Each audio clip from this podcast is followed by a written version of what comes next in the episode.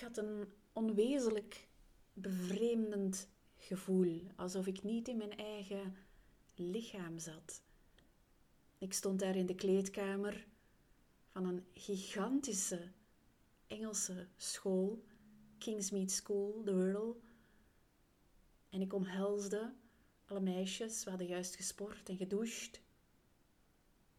En ik nam mijn zak en ik had beslist om niet langs de grote ingang uit de school te gaan waar mijn mama op mij wachtte met de auto, omdat ik dan nog iedereen zou tegenkomen en het moeilijk zou hebben bij het afscheid.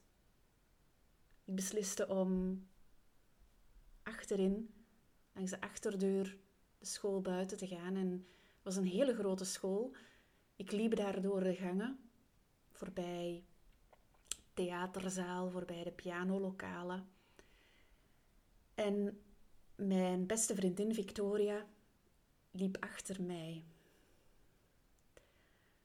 En daar hebben we dan afscheid genomen. En ik ben in de auto gestapt en we zijn het vliegtuig dan opgegaan. En na vier jaar in Engeland was het tijd om terug naar België te komen. Ik was elf jaar en mijn wereld stortte in.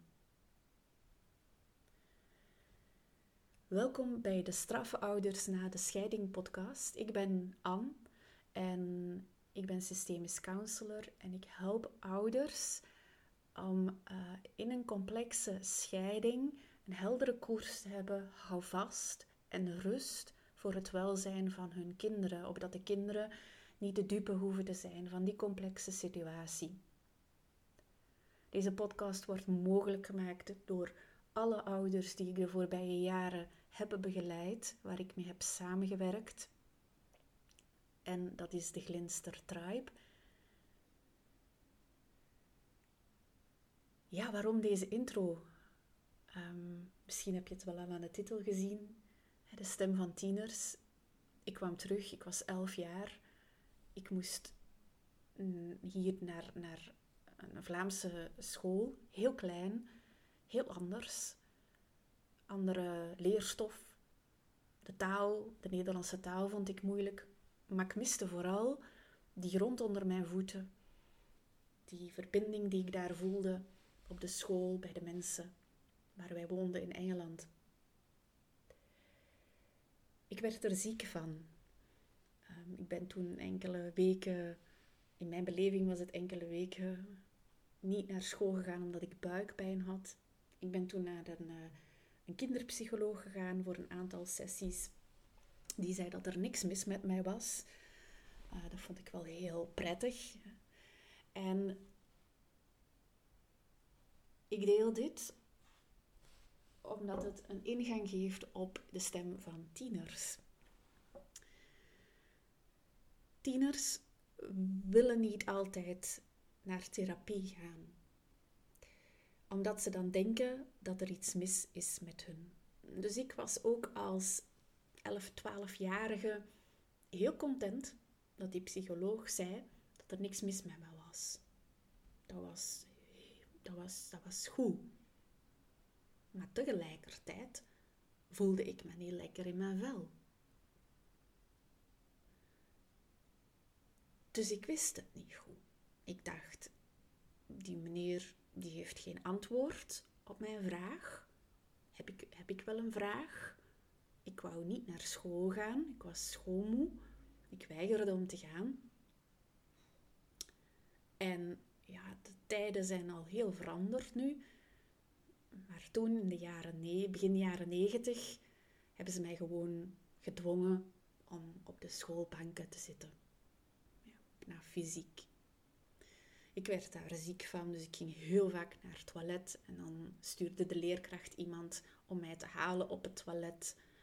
Ik heb dat jaar doorgesparteld. Terwijl ik erover vertel, krijg ik er nog een onaangenaam gevoel van in mijn buik. En wat mijn moeder nu zegt achteraf, nu dat er zoveel aanwezig is voor ouders, om ouders te steunen, zegt ze van jammer dat er dat toen in de tijd, dat het er dan niet was. Ik zou dat gedaan hebben. Ik zou als ouder iets gedaan, ook wel wat hulp kunnen gebruikt hebben, om jou te helpen. En ik denk dat dat voor mij ook heel prettig was geweest, omdat ik dacht, er scheelt iets met mij, ik moet hier naar een psycholoog. Dus er zal wel iets mis zijn met mij, maar dat heeft een diepe indruk achtergelaten. Ook al zei die psycholoog van op het einde er is niks. En daarom dat ik zo graag met ouders werk en ouders van tieners ook. Omdat zij, dat wil niet zeggen dat jij de schuldige bent of dat jij het fout doet, maar doordat jij werk verzet. Want um, ja, de dingen die ik doe, dat is wel werken natuurlijk. Hè. Is, het is geen wandelingetje door het bos. We proberen dat zo aangenaam mogelijk te maken natuurlijk. Het vraagt wel een inspanning. Geef je iets mee met jouw kinderen.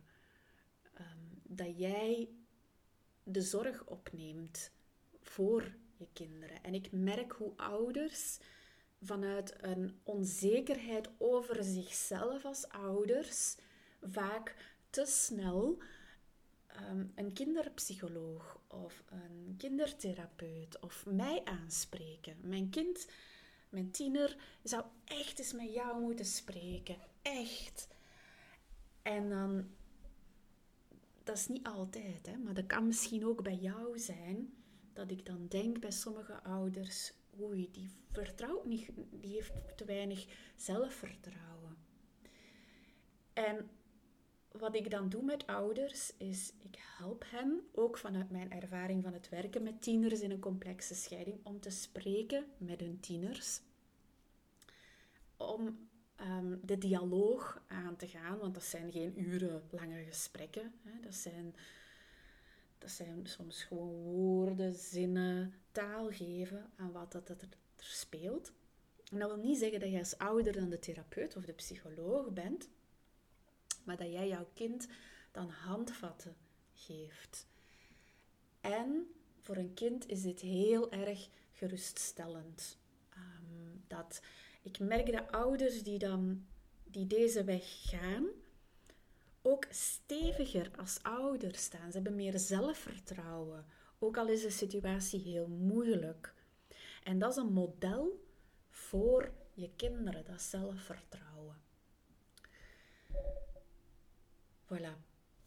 Dus jij kan ook de stem van jouw tieners um, meehelpen naar boven komen. Daar is niet altijd een therapeut of een kinderpsychologe voor nodig. Dat was mijn boodschap.